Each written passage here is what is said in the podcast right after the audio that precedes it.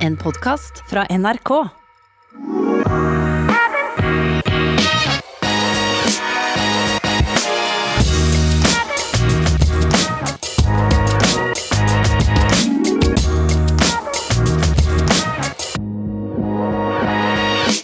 Tida flyr fort, altså. Nå er vi inne i november. En ny uke er gått, det er på tide å få i gang en ny episode. Hjertelig velkommen til I det lange løp. Jeg er eh, Jan Post, supermosjonist, eh, sportskommentator og relativt ivrig på alt som har med trening og utholdenhetstrening og eh, det som følger med å gjøre. Um, nå sliter jeg litt. Rann. Fått en smell i en legg som må gjøre at uh, jeg har måttet tilpasse treninga litt denne uka her. Lurt meg ut på mykt gress for en økt. En økt i veldig bratt motbakke, helt på kanten av det jeg tåler. Så vi får håpe at det blir noe ordentlig løping igjen snart. Min faste makker, eks-pokerproff, 2.21 maratonløper nå operert, på vei tilbake, stadig tilbakeslag. Eh, hvordan går det, Christian Ulriksen? Nei, vi er nærmere pokerspiller enn vi er idrettsutøver for øyeblikket. Men eh, vi er ikke pensjonert, og vi er fortsatt positive. Ja, det er godt. Det er godt. Fått kjørt noen mølleøkter siden sist? Ja da, vi hadde oss en fem ganger seks minutt forrige onsdag, og i dag er det jo tirsdag, så var på en ny fem ganger seks minutt i dag. Så eh, springes rundt eh, tre i laktat med ikke de kvasseste skoene, og rundt 16-16,5 km i timen. Så det er rett og slett den formen vi er i per dags dato. Ja, og noe særlig bedre blir det ikke før du får løpe mer enn to ganger i uka. Det blir altså ute i desember. Men du har iallfall fått besøk av en brukbar løper. Ja da, Moen han har sjekka inn her nå. Han skal jo eh, videre her eh, til Kenya i, i, slutten av måneden eller i starten av eh, desember. Men frem til da så skal han være litt hos meg, og så skal han være litt der det går an å, å gå litt på ski òg. Så får vi, får vi se hvor, hvor, veien går videre derifra. Det går rykter om en rak halvmaraton i, i, februar som, som, neste test. Så eh, får håpe han er i god trening fra pluss-minus 1.12. Sondre Nordstadmoen, norgesrekordholder og nordisk rekordholder på maraton. Halvmaraton, 10 000 meter det som er. Han gikk jo hardt ut i media her og klagde på at han ikke har blitt dopingtesta utenom konkurranse. Men han hadde ikke først før kommet inn døra hos deg, selvfølgelig, så dukka dopingjegerne opp. Ja, det dundra på ringeapparatet her i halv sju-tida i morges. Og du vet nå sjøl hvordan verden er i 2020. Hvis noen ringer på døra uten at du har fått forvarsel på SMS eller på tekstmelding eller på telefon, så er du ikke i nærheten av å åpne opp. Men eh, de ringte på såpass mange ganger at til slutt måtte vi åpne. og Der var Antidoping Norge som skulle ha inn han her fyren som driver og klager på at han aldri blir dopingkontrollert. Så han måtte ut der i bobilen og avgi eh, en eh, bra dopingkontroll. Forhåpentligvis eh, som det bruker å være, alt i skjønneste orden. Og så var det inn og legge seg igjen. Ja. Du slapp unna denne gangen her? Ja, det er klart de så han fyren som åpna opp døra, så tenkte de at han her han kan umulig bruke noe annet enn eh, rødcola og Grandiosa. Så jeg fikk ligge videre. Ja, det er bra. Vi skulle egentlig hatt noen dopinggjengere som ringte på døra her i dag tidlig, for hele familien klarte å forsove seg. Jeg ble bare plutselig vekka og sagt at klokka var åtte, og da var det jo halvtime til skolen eh, starta for han førsteklassingen, så eh, da fikk vi iallfall fart på denne familien. Så vi skulle gjerne hatt en dopingjeger inn i sjutida som hadde uh, fått oss opp, men uh, den gang ei. Vi får se. Det skjer jo ikke så mye i um, løpeverden akkurat for uh, tida. Det har jo vært et par brukbare løp i USA, blant annet Galen Rupp, en av verdens beste langdistanseløpere. To OL-medaljer har han jo. Var ute på en halvmaraton og løp litt over en time. Men uh, en litt artig ting i USA. En uh, maratonløper som heter Desiree Linden. Des Linden, som hun kaller seg selv. Hun vant jo Boston Marathon i et forferdelig uvær for to-tre år siden. Det var altså to-tre plussgrader. Stiv kuling imot, og Boston går jo fra A til B, så det var stiv kuling mot hele veien. Hun var vel i ferd med å gi opp halvveis, men det ble altså så kaldt for samtlige andre at plutselig var hun den som følte seg best. Hun hadde den største og beste regnjakka, vant på det, dundra inn på 2,39 og ble den første amerikanske kvinne til å vinne Boston på 33 år, eller et eller annet sånt der. Det var nå forhistorien. Den måneden her har hun gjort noe litt spesielt treningsmessig. Ja, det er jo noen som finner på noe stunt i ny og ne for å motivere seg. Vi har jo brukt å være med på en sånn julekalender du er, der vi skal øke én kilometer for hver dag som går, og begynne på én kilometer på, på, den 1. desember, og så avslutte med 24 der på, på, julaften. Og det er jo for så vidt greit, der kan man jo bytte litt om på dagene og sånn, men nå Odess hun syntes ikke det holdt. Hun kjørte en utgave der av One Mile og, og begynte på én mile på dato én og, og, måtte følge på deretter. Så må jo ha begynt å bli tungt mot slutten. Ja, og så løper én mile, da, som er 1609 meter 1. oktober. Og så er det to mile, tre mile osv. Dette begynner jo ganske pent. Dette går fint. Oppe på, på 10. oktober så er det jo 10 miles, da 16 km. Da begynner det å, å dra på lite grann. Men vi kan jo tenke oss den siste uka der. Når det går 25 mile, 26 mile, som da er maraton, 42 km, og så er det litt over en maraton dagen etter, osv., osv. Det, det blir jo halvtungt etter hvert. Eh, jeg regna på at hele måneden da inneholder da 798 km, hvis vi regner om til uh, kilometer. Det er jo ikke sånn ja, Til en topputøver å være på det nivået, maraton, ca. 200 km i uka, det er jo ikke ekstremt, Kristian. Nei, jeg tror på min røffeste måned der i august en gang før, før Berlin maraton på høsten, så tror jeg jeg har vært på en sånn 780 eller noe sånt på en måned. Og det har jo gått brukbart for meg, men eh, siste uka der på Odess, det må jo ha kosta litt. 315 km siste uka, regna ut. Ja, det, har jeg aldri vært i nærheten av. Jeg tror jeg har en par uker jeg er rett over 200, men 300 det har jeg aldri tenkt å ta i uansett. Men hvis du skulle løpt så mye eh, og så langt hver dag en uke, hvordan ville du fordelt det opp? To økter, én økt? Hvordan hadde det gått fram? Nei, Det hadde blitt mange dager med dobbeltøkt, det er i hvert fall helt sikkert. Og så måtte man jo eh, vært litt nøye på intensiteten der i, starten, i hvert fall. Det, det føles selvfølgelig billig første uka, men eh, sånne der ting har en tendens til å bli tyngre enn man tror når syra begynner, eller eh, loaden begynner å bli akkumulert på slutten, og du skal ut på sånn 30 km eller mer på, på femte dagen på rad. Da tror jeg det begynner å bli tungt. Ja, og så er det litt uheldig at man holder til i et land hvor miles er måleenheten, da. Det hadde jo blitt litt greiere å gjort det her i kilometer. Da hadde det blitt 496 km på en måned med 31 dager. Det ja, 400 km på en måned, det klarer jo til med du. Ja, så nesten 500, da. 496. Eh, men det, det hadde blitt seigt på slutten, det òg. Eh, men, eh, men det er sånn eh, ja, helt grei mengde supermosjonistmengde, eller eliteløper som er litt som eh, lavt volumløper. Men eh, en ordentlig siste uke Det går jo an å prøve, da. Vi har jo denne julekalenderen vår da, i desember, eh, men da har vi jo regler som gjør at man kan velge hvilken luke man åpner hver dag, så man trenger ikke å løpe én, og så to, og så tre, og så fire.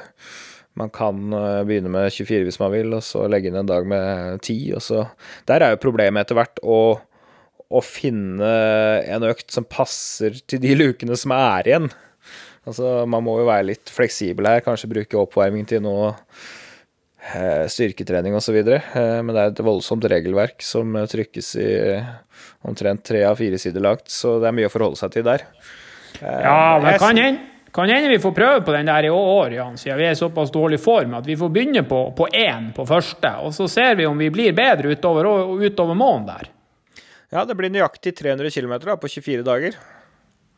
Ja, det skal være håp det i desember. Må bare få klarsignal. Jeg har fått meg en ny MR den 15. desember, så da sendes bildene til Finland, forhåpentlig for siste gang. Og så er det bare å be til alle mulige guder om at eh, vi kan trene ordentlig, for nå begynner det å bli lenge siden. Ja, det er bare å håpe. Men du, det var jo um, også halloween forrige uke. Uh, mye snakk om halloween blant mine barn, iallfall. Populær uh, sak.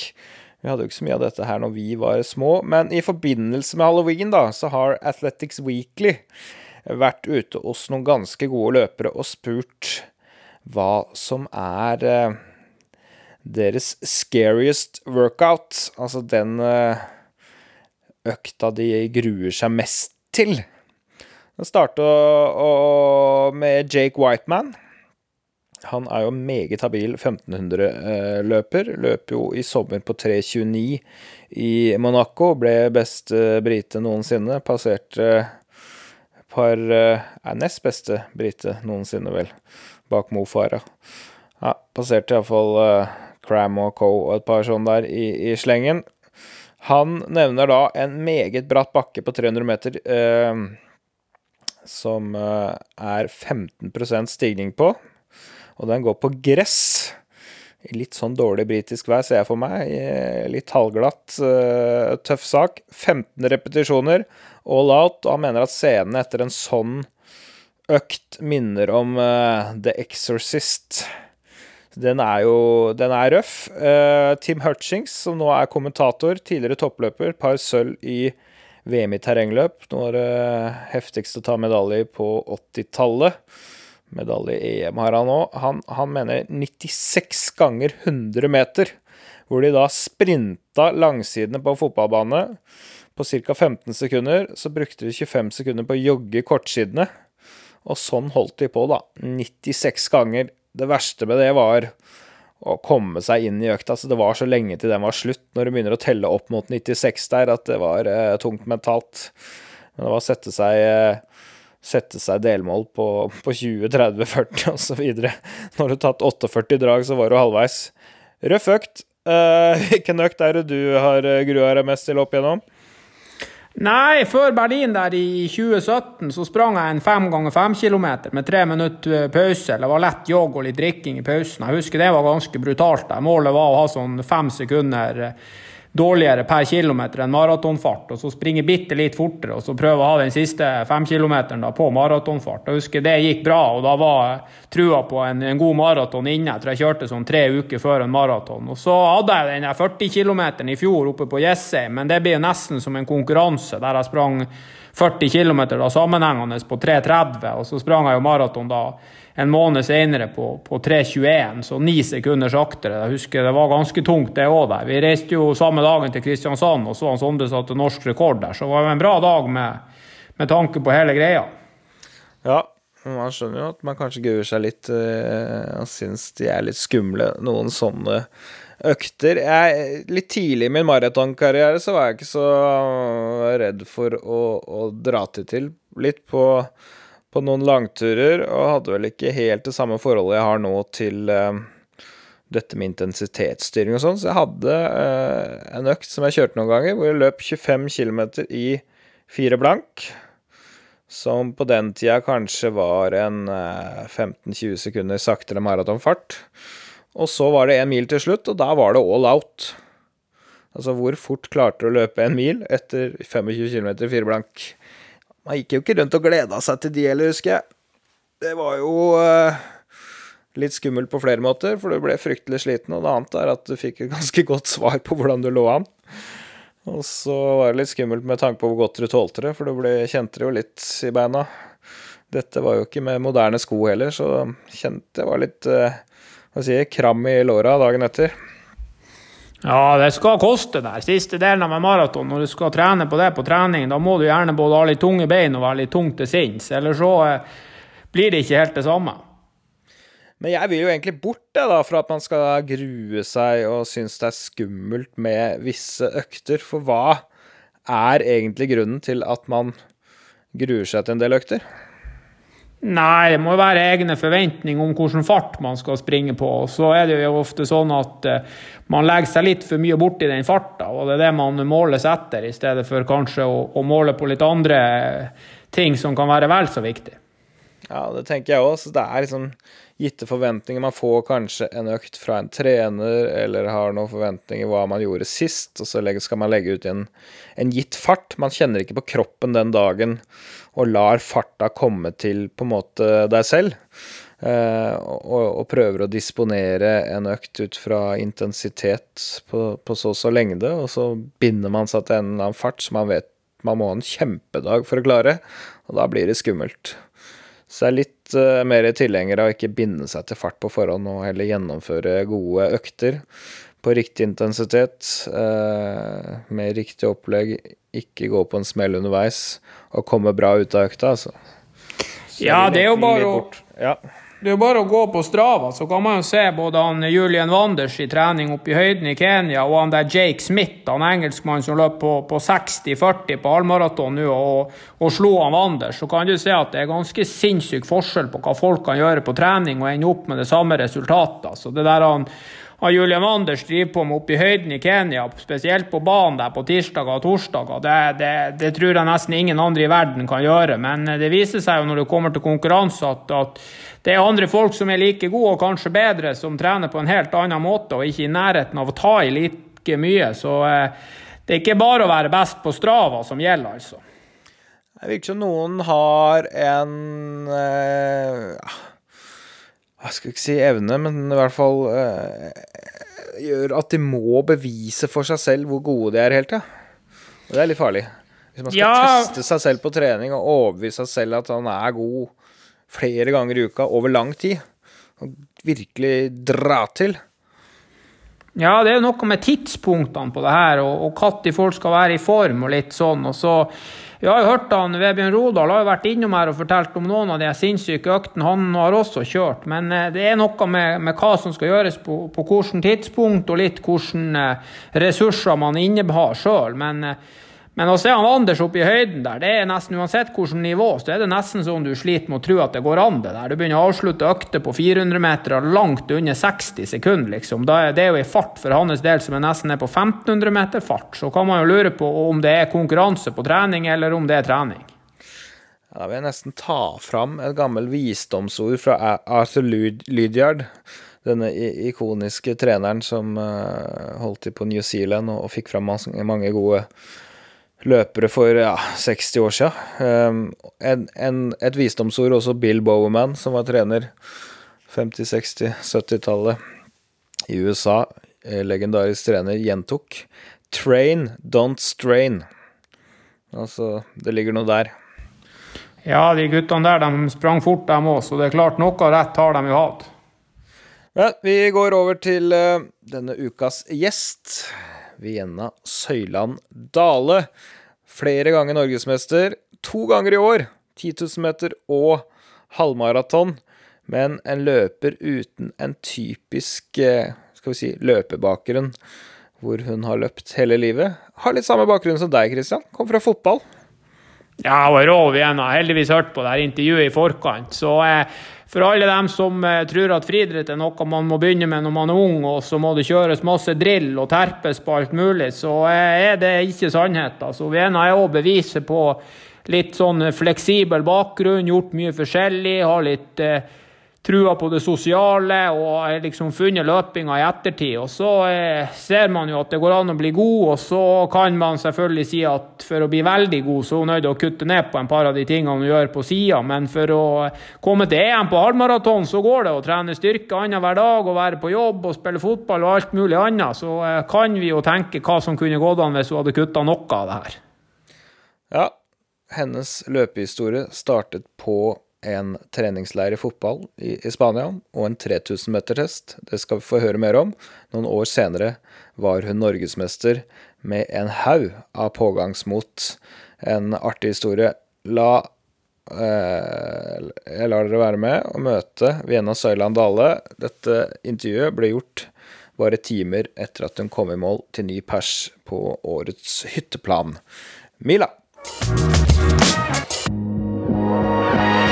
Da sitter jeg her med Vienna Søyland Dale, som har blitt norsk mester i år både på 10 000 meter og på halvmaraton. Rett borti veien for der vi sitter nå, på, på Gardermoen.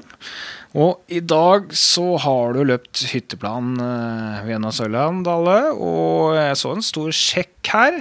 12 000 kroner rett inn på konto. Uh, må ha vært en brukbar dag? Ja, det var god uttelling for uh, dagens innsats. Det var veldig kjekt å få springe hytteplan i år, selv om det var mye mindre folk enn vi er vant med.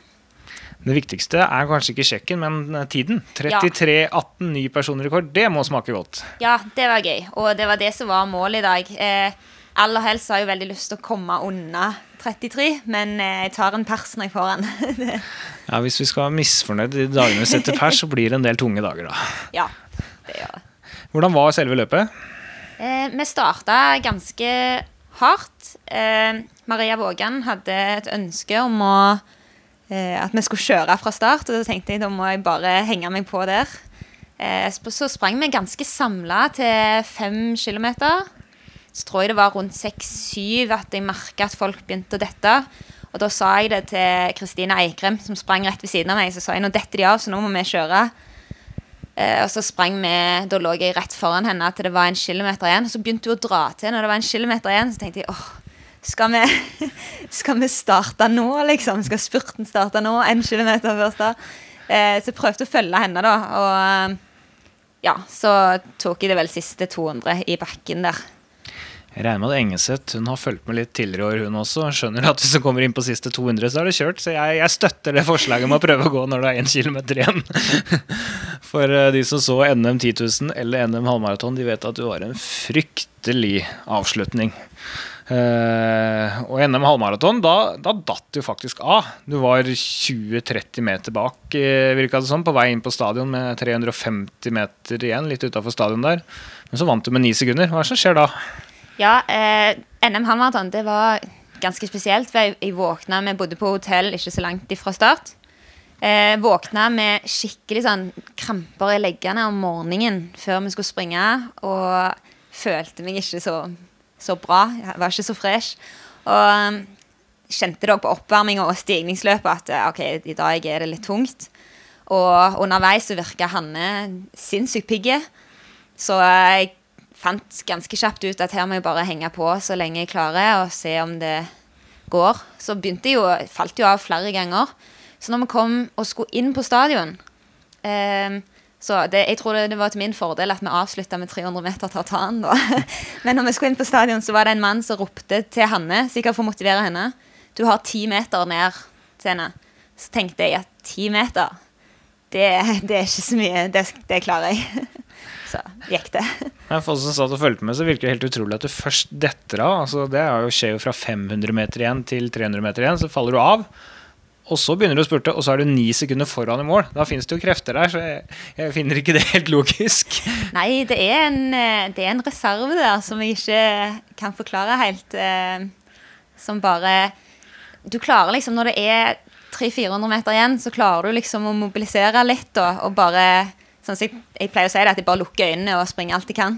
Og så funker det i no noen tilfeller, i hvert fall. Ja, det har skaffa deg noe NM-gull, i hvert fall, på den måten. Så det, det, er bra. Du, vi må skru tiden litt tilbake, for det er jo ikke noe selvfølge at du sitter her så mange ganger norsk mester i løping. Du drev jo egentlig med en helt annen idrett. Eh, fotball. Hvordan kom du borti løping i det hele tatt? Ja, det var jo egentlig gjennom fotballen. Jeg, jeg eh, gikk eh, toppidrett fotball eh, VG3, altså tredje året på videregående, eh, på Vang i Stavanger. Og vi var på treningsleir i eh, Spania. Så skulle vi springe en sånn kondisjonstest, 3000 meter. Jeg hadde aldri sprunget det før. Og eh, når vi sprang, så var jeg vel to minutter bedre enn nest beste jente, da. Så da spurte jeg om jeg kunne få springe en dagen etterpå, for da skulle guttene springe. eh, for da hadde jeg lyst til å springe med noen som jeg kunne prøve å henge på. Og da var det en av de som slo meg, og han sprang og heia siste, siste runden. eh, og etter det så var det en fotballtreneren min på Vang, så eh, Frode Hansen. Han meldte meg på Siddisløpet, som i hvert fall de fleste fra Rogaland har hørt om. Og fulgte meg til løpet og var med og så på når jeg sprang. Så det, det var vel egentlig min inngang til løpingen, da. Ja, Siddisløpet gikk bra, det òg? Ja, da kom jeg på fjerdeplass, og han treneren han sa det, det var litt løye å høre på, fordi de ropte jo folk opp når de kom i mål.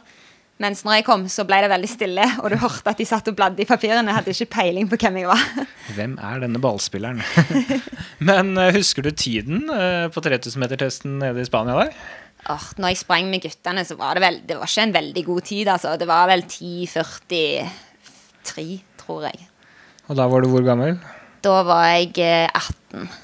Eh, ikke så mange kvinnelige eh, eller mannlige sådan 18 eh, år gamle fotballspillere som uten å ha noen erfaring med løping, bare går rett ut og løper 10-40. Så eh, jeg skjønner at han fotballtreneren din sendte deg rett i Siddis-løpet. Men hvilken, hvilken følelse ga det Siddis-løpet deg, da? Da merka jeg jo at det var noe som jeg kanskje var, var litt flink til, da. Og nå skal det jo sies at jeg sprang mye utenom, for eh, i fotballen så har det vært min styrke at jeg har hatt god kondisjon. Og ville Jeg tenkte at hvis jeg springer mest, så blir jeg aldri bytta ut. så det var derfor jeg begynte å springe. Og pappa sa alltid det at ta så meld deg på et løp, og mål deg mot noen som kan springe. Så måtte det han fotballtreneren til da, før det skjedde. Men du drev egentrening løping, altså? Ja. Hva, hva slags trening kunne det være? Da sprang jeg rundt på Hommersåk, da. Jeg er fra en liten plass til Hommersåk eh, i Sandnes. Mye asfalt, veldig mye bakker. Um, og begynte å springe ganske tidlig. Jeg gikk vel syvende og åttende klasse. Sprang på grussko, altså fotballsko, uh, i to år. På asfalt. Uh, og hver økt var egentlig å prøve å springe fortere enn den forrige økta. Så du hadde en gitt runde, da? Ja. Hadde en runde så rundt li, kaller vi det. Så de fleste på Morsåk har et forhold til den. så der var, det var ikke oppvarming, det var rett på, og så knalle ja. til. Starte klokka og stoppe igjen og se hva dagen brakte. Ja. Det hørtes brutalt ut. Ja, det var egentlig det. Jeg tror jeg springer seinere når jeg springer rundt der nå, altså. Men øh, hvordan tålte beina dette da, i, i fotballsko? Ja, det ble, ble beinhinnebetennelse. Det gjorde det. Og ja, det har sikkert gitt litt følger for at jeg nå de siste tre åra har slitt veldig med akillesene. Det har nok en liten sammenheng med det. Det tror jeg. Det er jo et stykke fra de fotballskoene til eh, dagens eh, supersko med karbonsål, det kan vi si. Ja, merker forskjell på det. Men du løper altså sidesløpet der, blir nummer fire, og skjønner at du er jo rett og slett ganske god til å løpe. Eh, er det rett inn i friidrettslæren da, eller hva skjer? Da ringte de fra Det var en som ringte fra GTI, og så ringte de fra Skjalg. Og begge spurte om jeg ville være med på Holmenkollstafetten. Headhunting her, altså. Ja. Og da valgte jeg å være med skjalg, fordi at der var det mer unge utøvere, da. Så jeg var med og sprang eh, Holmenkollstafetten med de. Sprang Lille Besserud, husker jeg. Um, og så sa jeg til dem at jeg var ikke så interessert i å være med, for vi, da spilte vi i andredivisjon, og vi trente stort sett hver dag med, med fotballen, da, og reiste annenhver helg til Bergen og Sogn og Fjordane og spilte kamper. Og hadde ikke tid til det. Men eh, så måtte vi trekke laget vårt ned til tredjedivisjon. Eh, det er veldig viktig. om Vi beholdt plassen, men vi måtte trekke oss. Ja. Vi hadde for lite spillere som ønsket å satse. Eh, og da, da ringte jeg til Skjalg og spurte om, jeg, om det fortsatt var åpent for å få lov å være med og trene litt. Bare se hvordan det gikk. Da var du rundt 20, da? Ja, da var jeg 20. Så du starter egentlig da med friidrett som 20-åring? Ja. Hvordan gikk du i gang med å trene da? For jeg tenker at du er, du er vant til å være mye i bevegelse. Fotball er jo bra grunnlag. Du har drevet og løpt litt for deg selv. Men da skal du liksom litt inn i organisert trening og gjøre det på friidrettsmåten. Hvordan var det? Ja, det var Jeg fikk jo beskjed om at jeg trente for hardt, da. Så det ble mye mer kontrollert. Og spesielt i forhold til intervaller og sånn, så var jeg litt den som Jeg prøvde å springe alt jeg kunne på alle intervallene. Så fikk jeg beskjed om at du skal alltid kunne springe fortere på den siste enn det du gjør på de andre, da. Du skal ha krefter igjen. Og jeg føler jeg har løst den bra nå, da, men eh, det tok noen år. Ja, jeg skjønner det, at det var litt, uh, litt uvant. Og sikkert litt uvant å disponere ting òg. Uh, ja. Men du gikk en bra skole, da? Ja, gjorde det. Jeg, eh, jeg hadde etter hvert så Jeg gikk, studerte idrett på Universitetet i Stavanger. Og veilederen min på både bachelor og master var Leif Inge Skjelte, som ikke er så ukjent i utholdenhetsmiljøet. Så han hjalp meg òg litt med å sette opp treningsprogram da, som passa til fotballen. Ja, forsker eh, og meget kyndig trener, da, som også har fulgt opp brødrene Ingebrigtsen og testa dem opp gjennom eh, årene. Og skrevet en haug av forskningsartikler og har full kontroll på det aller meste. Ja. Så da havna du borti riktige folk. Ja, det var Jeg føler jeg eh, var heldig i det. Men vi er jo fortsatt et stykke fra liksom å være i norgeseliten, fra å stikke innom treninga til Skjalg innimellom og, og, studere idrett. Når, når skjønte du liksom at du kunne ta det nivået som du etter hvert har tatt? Ja, jeg forbedra meg litt sånn jevnt hele tida, og det gjorde jo at jeg ble veldig motivert. Um, og fikk et opphold da med et uh, tretthetsbrudd. Kom jo mens jeg studerte idrett og trente fotball og sprang og hadde dager med syv-åtte timer trening. Uh, og da snakker vi ikke sånn trening med veldig mye pause mellom. Da var det ganske aktiv trening. Um, så når jeg kom tilbake igjen etter det, hadde en forholdsvis god sesong i, da, i 2016. Avslutta greit, da. Så fikk jeg beskjed av eh, trenerne mine, Gerd Lise og Atle Nordbotten, som er trenere i Skjalg. Så sa de at nå, nå må du slutte å, å tulle rundt. Og, nå må, du, nå, må du, prøve å satse litt. Ta et år og se hva du får til. Det var 2017-sesongen. Det var egentlig da du begynte å satse, og det er ja. bare tre år siden. Det er det. du, jeg skulle jo kommentere Oslo Maraton i, i 2017 og kunne ikke så mye om deg. Som, eh, og da tenkte jeg nå går jeg til hovedkilden selv og så sender jeg melding til deg for å få litt kontroll over hva du driver med, hvordan du trener osv. Eh, før vi skulle kommentere halvmaraton da under Oslo og da kjente jeg at jeg ble nesten stressa å lese bare hva du øh, drev med.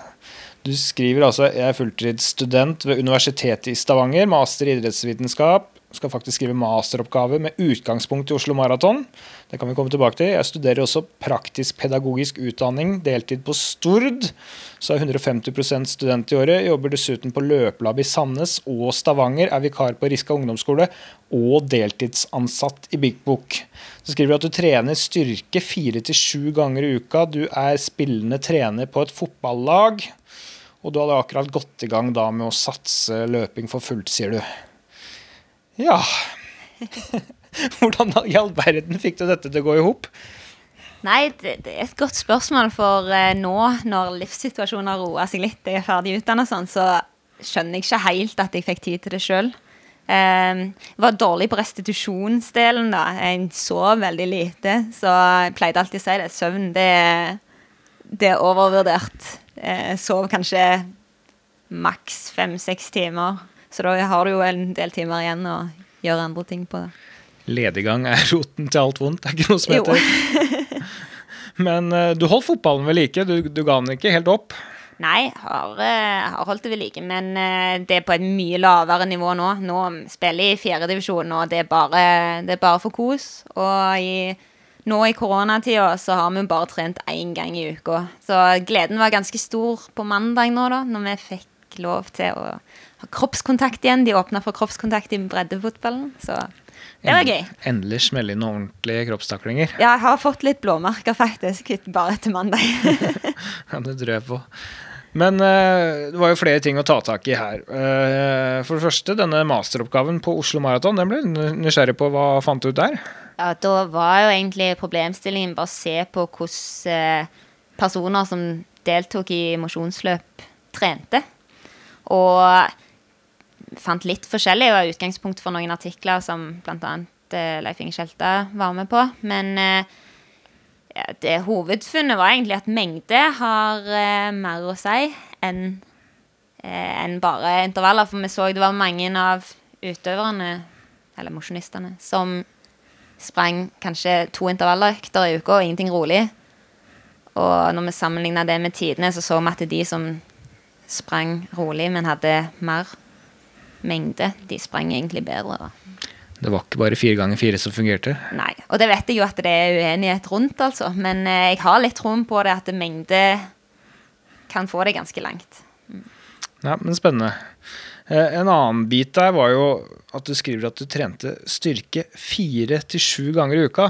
Det er heller ikke noe sånn standard løpeopplegg. Nei, jeg var medlem i Hommersåk atletklubb. Um, trente ganske tung styrketrening. Uh, ja, fire til syv ganger i uka. Det har blitt mindre, blitt mindre nå, litt av eh, tilfeldigheter forrige sesong. Men eh, prøver å trene en del styrke nå òg, og jeg ønsker å komme tilbake til kanskje ikke fire til syv eh, ganger. Men eh, å ligge på jevnt fire, det føler jeg det er da kroppen min føles best. Men hvordan er det å trene eh, tung styrke, som du sier, eh, og kombinere med, det, med den gang både fotballspilling mer enn nå, og, og en startende fullsatsing på løping? Ja, det, jeg følte at det ga meg eh, litt mer punch i eh, Ja, f.eks. i en avslutning, eller at jeg hadde litt mer spenst i steget. Det er vanskelig å forklare, men jeg følte at kroppen var litt mer, ja, litt mer spenstig når jeg, drev med, når jeg driver med styrketrening. Men tung styrketrening, hva var det for deg, eh, hvis vi skal være litt konkret?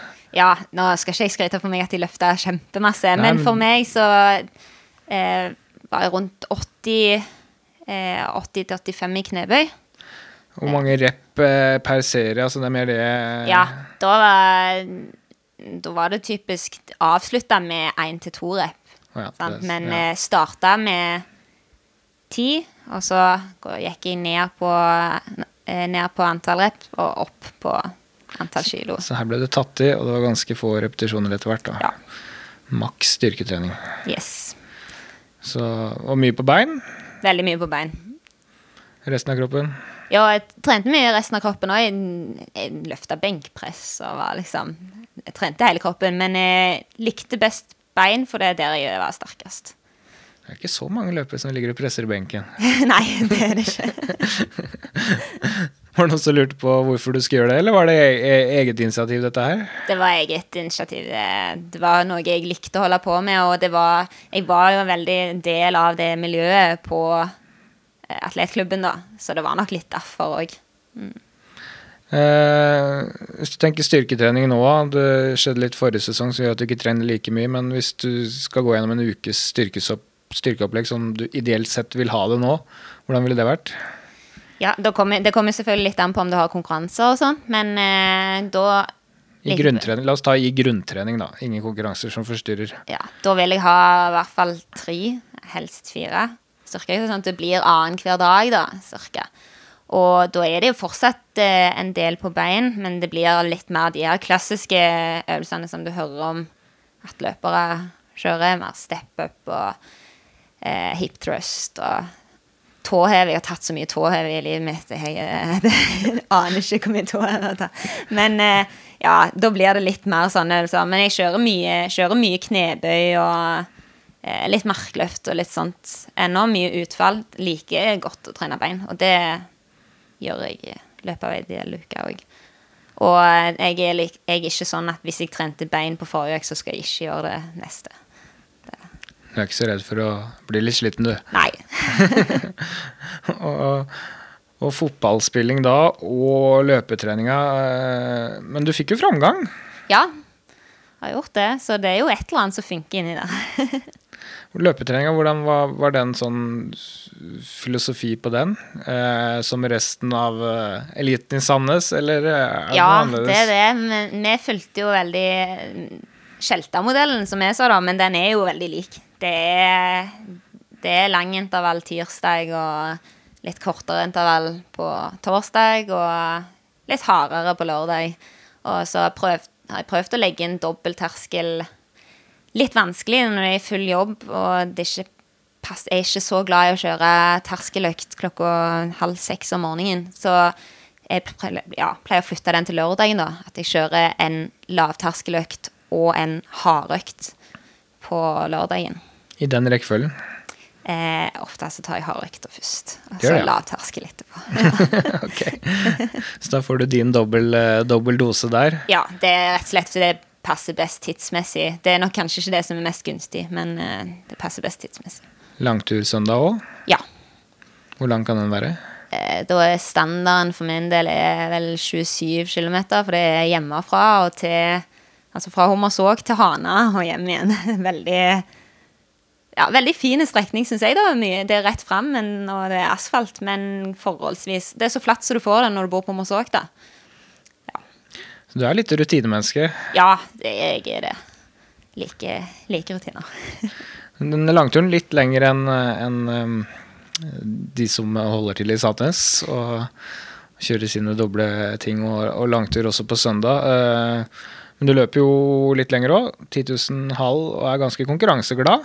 Ja, jeg har blitt det. Før konkurrerte jeg ikke så mye, men eh, det har de siste årene så har det kommet seg litt. Nå konkurrerer mye. La oss gå tilbake til du ble norgesmester for første gang da, på, på 10 000 meter. Ja, Nå ble jeg, litt usikker på om det var 17 eller 18. det var 2017 i Sandnes. Det var i 2017, ja. Eh, akkurat, det var kanskje derfor jeg ville ha- ha tak i deg. Men du vil ikke ha noe favorittstempel foran halvmaraton i Oslo allikevel? Fersk norgesmester som du var. Men det første året du virkelig satser, så ender du opp som norsk mester. Ja, det var, det var jo veldig gøy, da. Hadde du sett for deg det? Nei, og det tror jeg ingen andre hadde heller. Jeg eh, husker jeg sprang en 10 km i Egersund. Eh, og da fikk jeg melding av en trener i Skjalg, en som heter Jarl Gaute Aase. Han sendte, sendte melding til meg etterpå, og så sier han at eh, jeg tror du kan bli jeg tror du kan ta medalje på 10 000 i Sandnes. Så sendte jeg tilbake at ja, jeg har ikke tenkt å være med på 10 000 i Sandnes. Ja, da blir det ikke medalje. Så, så han bare ja, det er ditt valg, men jeg tror du kan ta medalje. Så meldte jeg meg jo på begge deler, men jeg sa at jeg, ja, jeg springer 5000, og den skal jeg springe som om jeg ikke skal springe noe annet. Skal gi alt, og så tar jeg vurderingen på lørdagen da, om jeg skal springe 10 000 på søndagen. Så var det jo, fikk jeg sølv på fredagen. Eh, veldig overraskende, og ja, jeg tror du kan se det på film òg, at de gliser kom i mål, for jeg har aldri tenkt at jeg skal ta medalje. Og så bestemte jeg meg på lørdagen da for at jeg prøver på 10 000 òg. Så når jeg kom til start på 10 000, så sprang Serei. Han var i Skjalg da, så var min klubbkamerat. Så jeg sto og så på og heia, så kom Sigrid Jervel Våg springende bort, så hun bare Du vet at eh, avkrysningen stenger om sånn tre minutter. og du har ikke krysset deg av. Så da var det å spurte av. Så det var ja, så vidt at jeg fikk sprunget den 10 000-meteren, egentlig. Takk til Sigrid Gjervel Våg. Ja. Hun er spesialist på norske mesterskap, så hun vet hvordan det går for seg. Ja. Men det, den hang i en tynn tråd på mange måter, den 10 000 meter der. ja, det tydeligvis noen som hadde mer lyst til at jeg skulle springe den enn det jeg hadde. Jeg husker ikke så mye av løpet, men jeg husker siste runden. ja, det er egentlig den jeg husker best sjøl òg. For da smalt det. Ja. Det samme vi har sett i år. Og du så det aldri tilbake. Det var ikke tvil, altså. Nei, der òg var det Da hadde jeg snakket med Leif Inge Skjelta før start, og han sa det at han hadde fulgt med på 5000-meteren. Og han sa at eh, han hadde noen tips. For det første så måtte jeg slutte å springe i bane to. Eh, komme meg inn i bane én. Eh, og så sa han at eh, må la de andre dra, og så hvis du fortsatt henger på når det er 600 meter igjen, så vinner du. For da tar de deg ikke i spurten. Så når jeg hang på når det var 600 meter igjen, så tenkte jeg OK, men da, da vinner jeg, da. Han hadde rett til alltid nå, så det høres jo nesten som han gir, eh, gir råd til eh, en som nettopp har begynt, og det var vel for så vidt sånn. Ja, det var enkle, enkle råd å forholde seg til. Men eh, tror du den spurten kommer av all den eh, styrketreninga, eller ligger det bare naturlig for deg? Har du alltid vært eh, rask? Nei, jeg er egentlig ikke spesielt rask. Jeg vil si jeg er mer seig enn rask. Eh, men det ligger nok litt i styrketreninga. Det tror jeg. Og i år så tror jeg det ligger òg mye at jeg har trent mye med Kristina Tugud, som er 1500-meterløper, og har vært med på en del av hennes økter, som går i 1500-meter-fart for henne. Men altså, for meg, jeg har pers på 800 på 2,16, så det er 800 meter fart for min del, nesten. 2,16, ja. Jeg mener at du løp ca. 68 på siste runde når du vant NM med 10 000. Det er samme fart, det. Ja, det blir det. Jeg tror den kan forbedres. Men, eh, men det er noe sånt. Du, du, du holder jo på på en rekke distanser, da. Og reist en del rundt i år og sett deg på alt fra 3000 til halvmaraton, i hvert fall. Ja. Hva tenker du egentlig om, om framtida? Hvor, hvor tror du du kan bli best? Jeg er nok best på de lange. Um, så ja, så det Halvmaraton syns jeg er veldig gøy. Jeg har lyst til å springe bane òg, så 5000 og 10 000. Skulle ønske jeg var litt bedre på 5, for det er det jeg liker aller best. Jeg har tre NM-sølv på 5000, og hvis du legger sammen differansen til gullet på alle tre, så er det ca. to sekunder. så jeg har veldig lyst til å klare å ta et gull på 5000 en gang. Ja, det er bare å fortsette å prøve, så sitter den nok. Ja, jeg håper det. Men eh, ja, jeg ser jo for meg at det er mer de lange enn kortere. Eh, og, og gateløp, skal du stoppe på halvmaraton, eller skal du prøve noe enda lenger òg? Jeg må nok prøve maraton etter hvert. Eh, det kommer ikke til å bli neste år, for jeg vil fortsatt ha litt å kjøre med på de kortere, og jeg er redd for at jeg blir veldig seig hvis jeg går over på maraton. Satset altså for fullt på løping for først tre år siden, og hadde det vært EM i eh, Paris i år, så hadde du løpt. Ja. Du klarte EM-kravet på halvmaraton var det i Barcelona, iallfall tidlig i år. ja, stemmer det. Snek deg under det kravet der. Eh, Regner med at du var ganske fornøyd da? Da var jeg veldig fornøyd. Og da reiste jeg bort eh, sammen med Pernille Epland, som òg tok, tok kravet. Og vi har samarbeida veldig mye opp igjennom de siste åra og trener mye sammen. Og hadde kjørt ei økt i forkant av, av Barcelona halvmaraton, da, der vi skulle kjøre sammen. Og jeg måtte gi meg etter første intervall. Vi skulle springe tre ganger 5000 meter. Jeg måtte gi meg etter første og bare ta det rolig, for hadde ingenting å gi. Så da så det litt mørkt ut. Hun var i kjempeform, så jeg var 100% sikker på at hun skulle ta det EM-kravet. Ikke så sikker på at jeg skulle ta det sjøl. Så når vi klarte det begge to, så var det, det var veldig god stemning på hotellrommet etterpå. Og vi hadde òg med oss Ayani fra Skjelg, Ida Kjørsvåg, som er en av mine beste venninner, som òg persa med flere minutter. Så ja. Det var kjekt å være i Barcelona da. Ja, det tror jeg på. God stemning. ja. Og så ser man selvfølgelig for seg et mesterskap, man skal lade opp til det. Det blir jo med ett det viktigste i sesongen, vil jeg tro. ja. Eh, men så begynner det som skjer, det skjer her i verden. Eh, koronaen kommer, og alt blir usikkert. Og så kommer beskjeden om at det blir ikke noe EM. Hva tenkte du da? Eh, Jeg så han komme en stund før det skjedde, men var jo skuffa, selvfølgelig. Men du, du omstiller deg, og det gikk jo fint. Du har fått trent godt i år, da. Og 2019-sesongen min var helt forferdelig, så for min del så var det sånn Til og med med korona så kunne ikke 2020 det kunne ikke bli verre, på en måte. Og så har det jo blitt ganske bra, da. Ja, det har jo blitt bra. Selv om det ikke ble EM, så har det blitt to, to NM-gull og pers på 10 km i dag. Eh, hva tror du framgangen i år skyldes? Eh, nei, det er vel Det kjedelige svaret er jo kontinuitet, som dere har nevnt tidligere. At jeg har fått trent eh, godt og lenge. Jeg har òg eh, Jeg springer jo for skjalg. Jeg trener veldig mye med ei løpegruppe i Sandnes, som er eh, Erik Tuguds gruppe. Har flere som jeg løper med der. Så har vi kjørt en del økter på Forus. Der, dere har jo sett den løypa. Frode Skjeltas persløp. Sprunget mye der.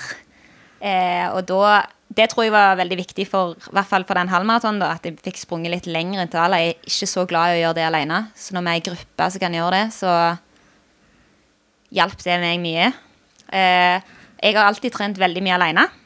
Men i koronatida så jeg vet ikke om det er lov å si, men jeg har aldri trent så mye med andre folk som jeg gjorde i koronatida. Eh, og nå så er jeg nesten mer vant med å kjøre intervaller med andre enn alene. da. Så det har endra seg litt. Ja, men Det er bra. Kanskje det ligger noe der. Det finnes jo faktisk forskning på at man yter bedre når man er i, i grupper man trives. Ja, det tror jeg absolutt har hatt mye å si for meg. Så det er, det er et godt miljø. Ja, veldig godt miljø. Ja, det, det er bra.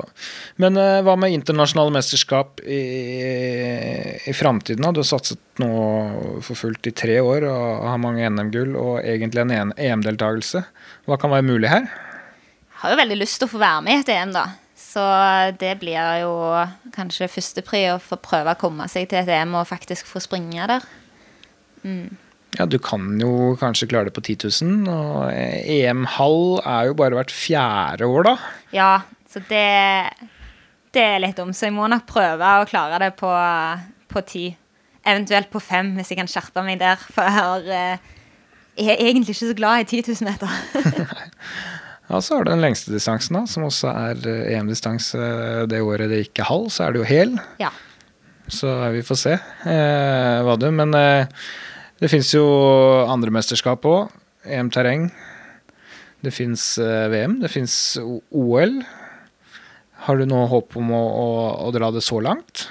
Eh, Jeg fikk beskjed av Sarai i dag om at jeg aldri må si at det ikke blir det. Men eh, eh, jeg Ja, jeg, jeg er ikke den som liker å si høyt eh, for høye ambisjoner. Men eh, komme meg til et EM, det, det skal jeg stå for at det har jeg lyst til.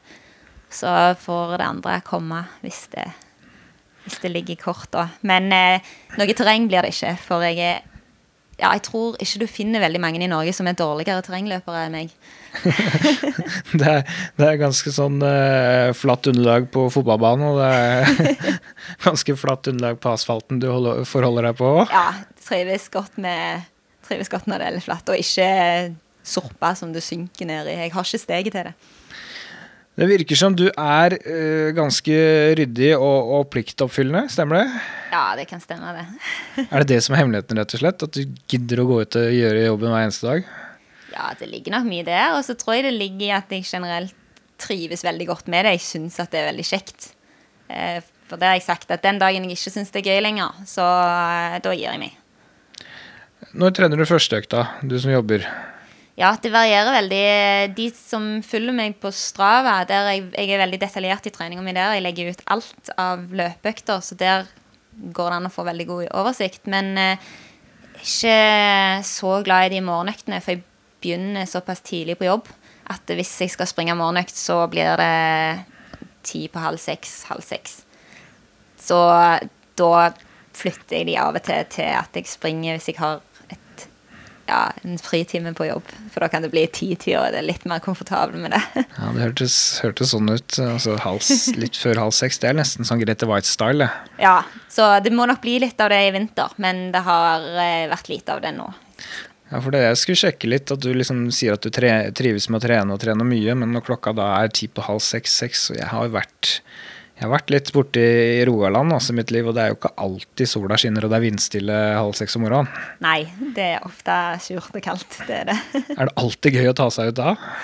Nei. Da, da skal jeg innrømme det må syke meg veldig opp for å komme, men så er det sjelden at du angrer når du kommer hjem. Og som regel så er det greit etter etter tre-fire kilometer, tre-fire første kilometerne da, på Hommersåk, så er det bare oppover. Og med mine akilleshår så gjør det veldig vondt. Så etter tre-fire kilometer, da begynner det å bli gøy. Akkurat. Du er, kjenner det såpass i akilles? Ja, og det kan du egentlig se på hvis du detalj, går i detalj og ser på øktene mine, så kan du se at nesten alle rolige turer er veldig progressive. Det går dritseint i starten. Det er for at jeg må varme opp eh, akillesene, og at det er mye bakker. Og så går det fortere når jeg skal, når jeg skal hjem igjen. Men hva er det som driver deg? Hva er motivasjonen? Hva er, hva er det som får deg opp om morgenen og ut på økt? Nei, det, jeg syns jo det er sykt kjekt å, å slå meg sjøl, på en måte. Å forbedre meg og se at jeg forbedrer meg. Det syns jeg er veldig, veldig gøy. Um, ja, og det, jeg tror det er det som er hovedmotivasjonen min. At jeg, jeg liker den der med å se at nå er jeg bedre enn jeg har vært før. Gir, gir løpinga deg noe annet enn fotballen ga, som, som, er en lagidrett og litt annen greie? Ja, det er vel kanskje det jeg savner mest i løpingen, da. Den lagbiten, egentlig. Og den tror jeg Der er det kanskje annerledes for meg enn for mange andre løpere, men jeg er veldig opptatt av de som jeg løper med, og ha et godt forhold til de. Um, har fått veldig mange venner gjennom friidretten. Konkurrenter som du blir glad i, og som blir venner heller enn konkurrenter, egentlig. Og jeg har mange der det er veldig kjekt å slå de òg. Eh, jeg skal ikke si noe på det, men samtidig så er det veldig mange som skikkelig unner å gjøre det bra, da. Og det føler jeg at vi er gode på i norsk friidrett, og vi er en fin gjeng med jenter nå som bygger hverandre opp i stedet for å, at vi plent bare skal være konkurrenter, da trekk i samme retning, egentlig. det er bra. Helt til siste runden går, da, da venter du ikke på dem lenger. Nei, da Every woman for herself. ja, det, det, er bra. Vi trenger jo å, å, få den bredden som er i ferd med å komme på kvinnesiden nå. Det har vært uh, litt tynnere i bre bredden i toppen. Eh, merkelig å si det så på den måten, men eh, det virker som det kommer nå. Det kommer en del yngre jenter òg som kommer til å presse dere. Du har sett noen av dem foran deg på litt kortere distanser i år? Ja, de er skumle. De, de er kjempebra. Det er mange av de som kommer opp nå, spesielt det er en del av de Runar-jentene som er sinnssykt bra. Så jeg håper at de kan vente litt med å slå oss på de lange distansene. Gi oss et par år til før de tar over alt. Eh, men eh, det gror godt blant jentene. Og jeg syns òg at det blant oss som er litt eldre, at vi har en Vi har hevt nivået vårt, vi òg. Og det som ikke blir framheva så ofte Hvis du ser eh, de øverste på herre, resultatlistene for herrer, så er det veldig mange av de som bare løpet. Mens hvis du ser de øverste på, av jentene, så er vi høyt utdanna. Det er eksempel kan se Sigrid og Maria og, og meg. Vi er i full jobb. Vi har eh, mastergrader og ja, jobber, jobber 100% Og du har f.eks. Ine Bakken og Hanne Maridal, som har gjort det kjempebra i år, begge to. Som har tøffe studier som de har holdt på med. Så det føler jeg Når de sier at guttene gjør det så bra, og at jentene er så dårlige, så legger de ikke inn den faktoren at vi har ganske mye annet i tillegg. Vi er ikke bare løpere. Hva er dette med restitusjon, da? Ja. Er det der du har størst forbedringspotensial, tror du? Ja, det tror jeg nok. Jeg har, det ligger mye der. Hvis jeg eh, kan bli flinkere til å restituere, så tror jeg jeg skal bli bedre. Hvis jeg skal være litt sånn djevelens advokat, da, så kan jeg spørre hva, hva skal til for at du skal kaste alt annet, trappe ned på jobb og satse som du peker på at noen av gutta gjør her? Ja, vanskelig å si, for jeg har eh, verdens beste jobb. så jeg har ikke lyst til å kaste den. Jeg er, jeg er idrettslærer, så jeg har ja, verdens kjekkeste jobb med enormt kjekke elever og enormt kjekke kollegaer. Så det gir meg egentlig mer enn det koster, tror jeg.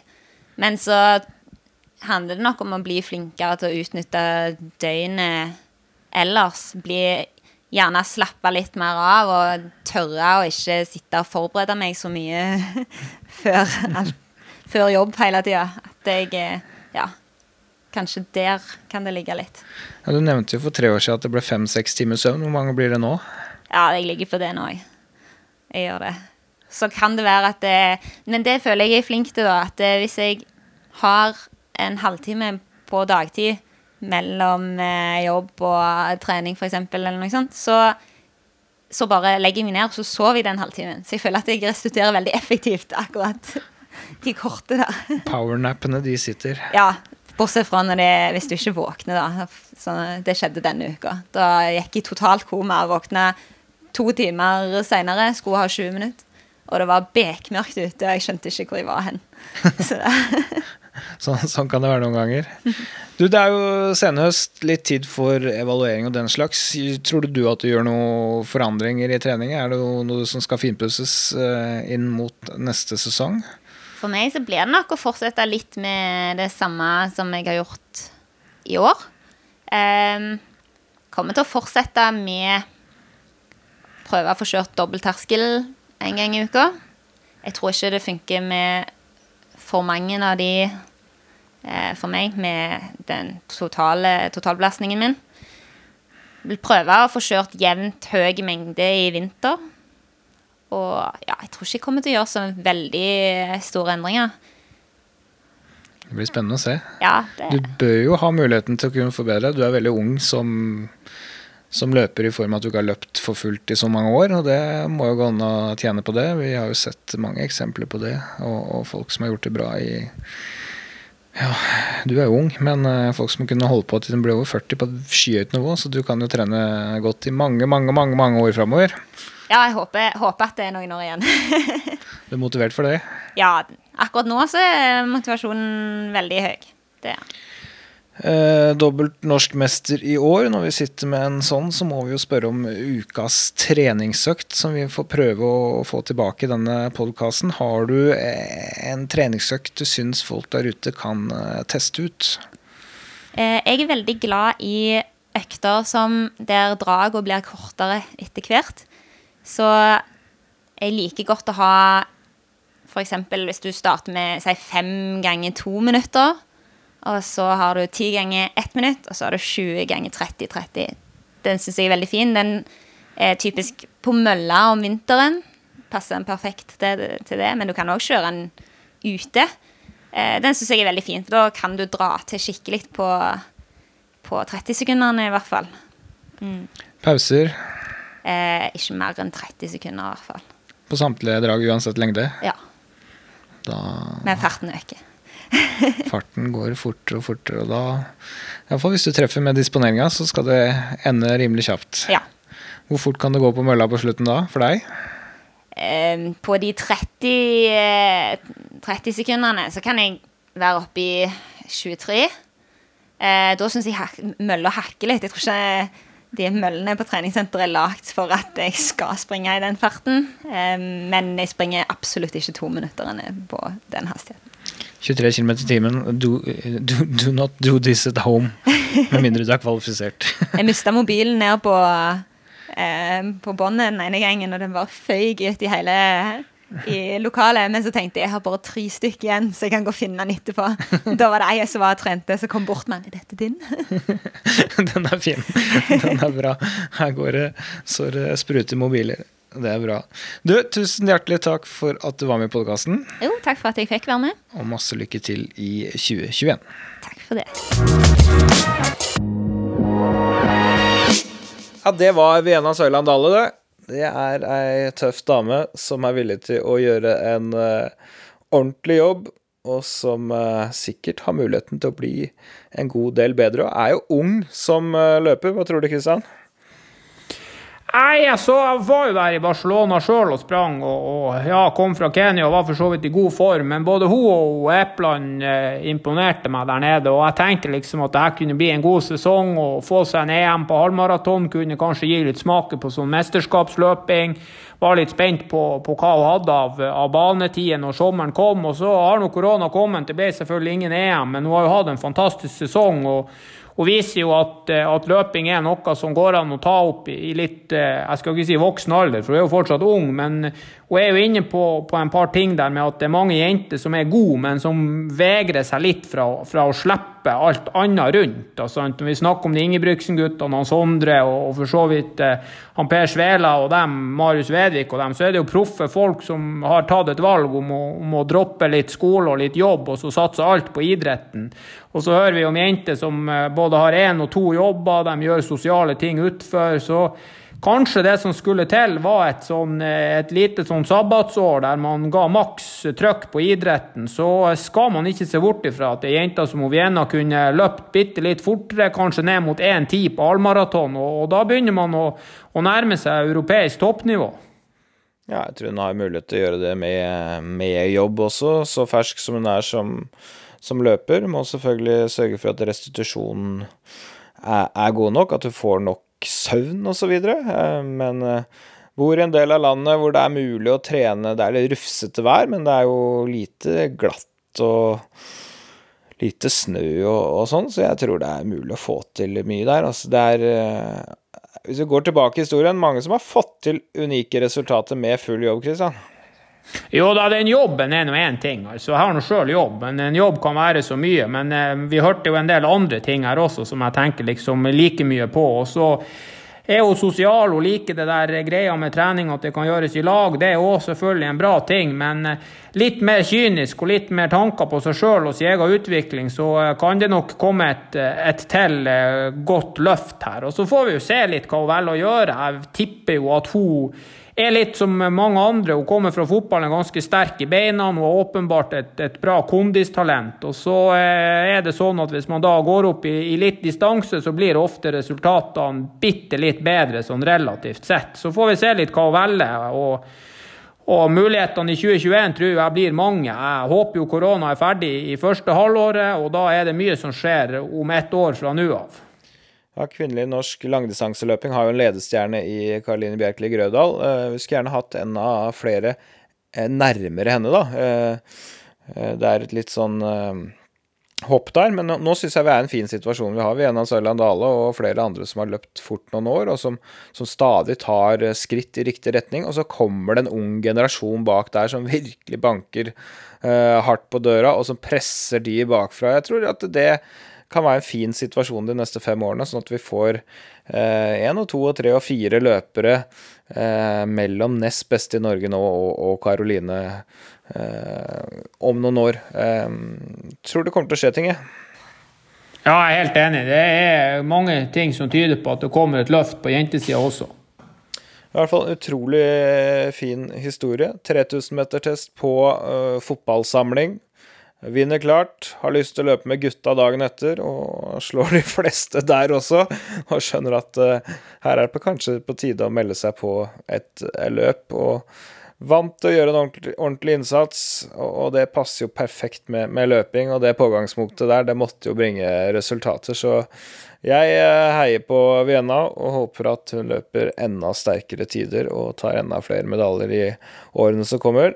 Det, det var iallfall veldig interessant å få et innblikk i, i hvordan hun har vokst fram som løper. Det var det vi hadde denne uka kommer tilbake med en eh, artig løpeprofil om én uke. Da blir det forhåpentligvis mer å lære. Takk for at dere hørte på. Så håper jeg at vi høres.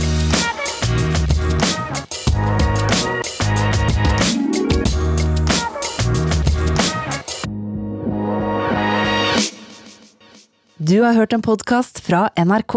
Hør flere podkaster og din NRK-kanal i appen NRK Radio.